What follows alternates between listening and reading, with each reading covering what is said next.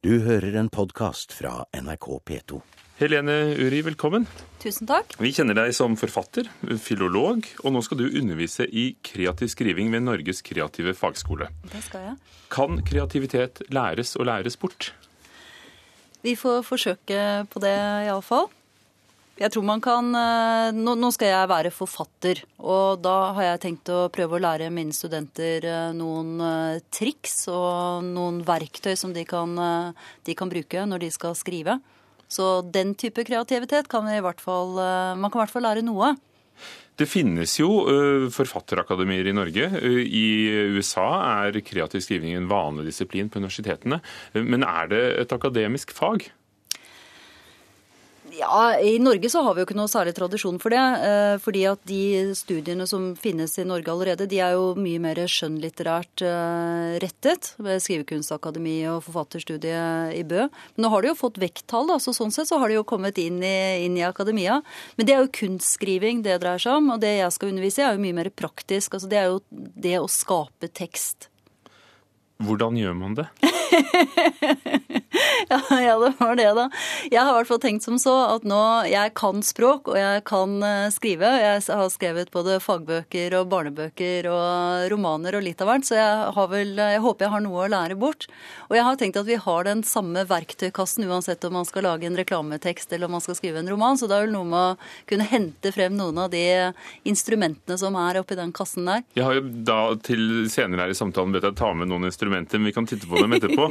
Eh, mange av oss vil huske at det ble litt oppstyr rundt eh, romanen din 'De beste blant oss' fra 2006, som nettopp handler om eh, universitetsmiljøet og menneskene der. Ja. Hvordan tror du du vil bli mottatt på lærerværelset? Kanskje med skepsis, og kanskje da med en viss uro og en redsel for å havne i min neste roman. Men sånn er det å omgås forfattere. Det må man regne med uansett om man er mine venninner eller familiemedlemmer eller mine studenter, så, så kan man havne i romanene mine. Dette gjelder sikkert også studentene. Det reklameres på sidene til, eh, til, Norges kreative fagskole, som altså for de som måtte lure er en, er en arvtaker etter Norsk korrespondanseskole og tilhører Ernst G. Mortensens stiftelse. Så det er en, en sånn selvfinansierende stiftelse som har som mål å, å gi mennesker utdannelse. Eh, studiet heter bachelorgrad i kreativ markedskommunikasjon. Hva er de sammenfallende interessene for en forfatter og en markedsfører? Å nå frem til uh, mottakeren i den andre enden tror jeg vi i hvert fall kan bli enige om at vi, at vi, skal. Uansett om det er en reklametekst eller det er en uh, roman. Nå håper jeg at romanene stort sett er litt mer åpne enn det en reklametekst skal være. Men vi skal i hvert fall nå frem til en mottaker. Men hvordan gjør vi det? Kan, du være konkret? Kan du gi oss noen tips? Noe av det elevene dine vil lære fra høsten av?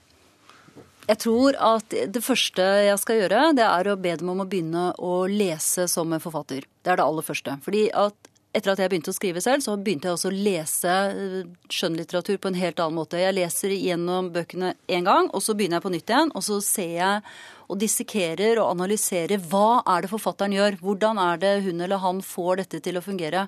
Hva er det som eh, gjør at jeg henger med? Hva er det som gjør at jeg har lyst til å fortsette å skrive? eh, lyst til å lese, unnskyld. Eller hva er det som gjør at jeg eh, gjesper og har lyst til å gi meg på side 30. Så det er i hvert fall det aller første jeg vil be dem om å gjøre. Det er å lese som, som en forfatter. Og så hele tiden være på jakt. Ha øyne og ører åpne. Plukke med seg ja, personer, vaner og uvaner hos våre medmennesker. Eh, være på jakt etter det gode språklige uttrykket. Men er det, er, det, er det alltid gjør det enklere? Nei, vi skal ikke det. Det skal vi selvfølgelig ikke. Fordi jeg er jo ansatt nå som forfatter. Eh, altså jeg har fått eh, denne stillingen fordi, på grunnlag av for så vidt min, eh, min doktorgrad i lingvistikk, men også pga. min forfattergjerning. Sånn at jeg skal jo være skjønnlitterær, og jeg skal jo be dem om å nyte, og det må jo være noe gåtefullt også.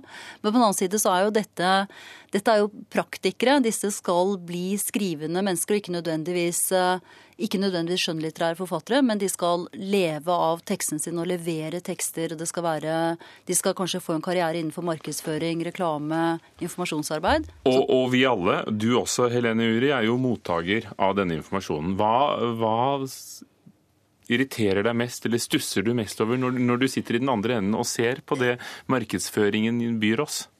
To ting, kanskje. Eh, det ene er at det av og til kan være litt uklart. Skjønner ikke helt hva de vil frem til.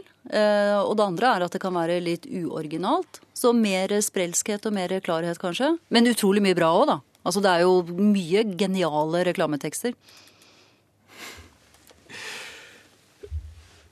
Betyr dette at du får skrevet, da? For du, du, sier jo at du er forfatter, og det er du jo. Eh, og du sa jo opp universitetet. Hvordan skal du kombinere det, lærergjerningen og Dette er en professor to-stilling, så den, det innebærer ikke veldig mange undervisningstimer per år. Så jeg kommer til å først og fremst være forfatter. Helene Uri, takk for at du eh, kom til Kulturnytt for å dele noen av dine tips om kreativ skrivning. Og så leder vi også til din forfattergjerning bærer frukter. Takk. Du har hørt en podkast fra NRK P2.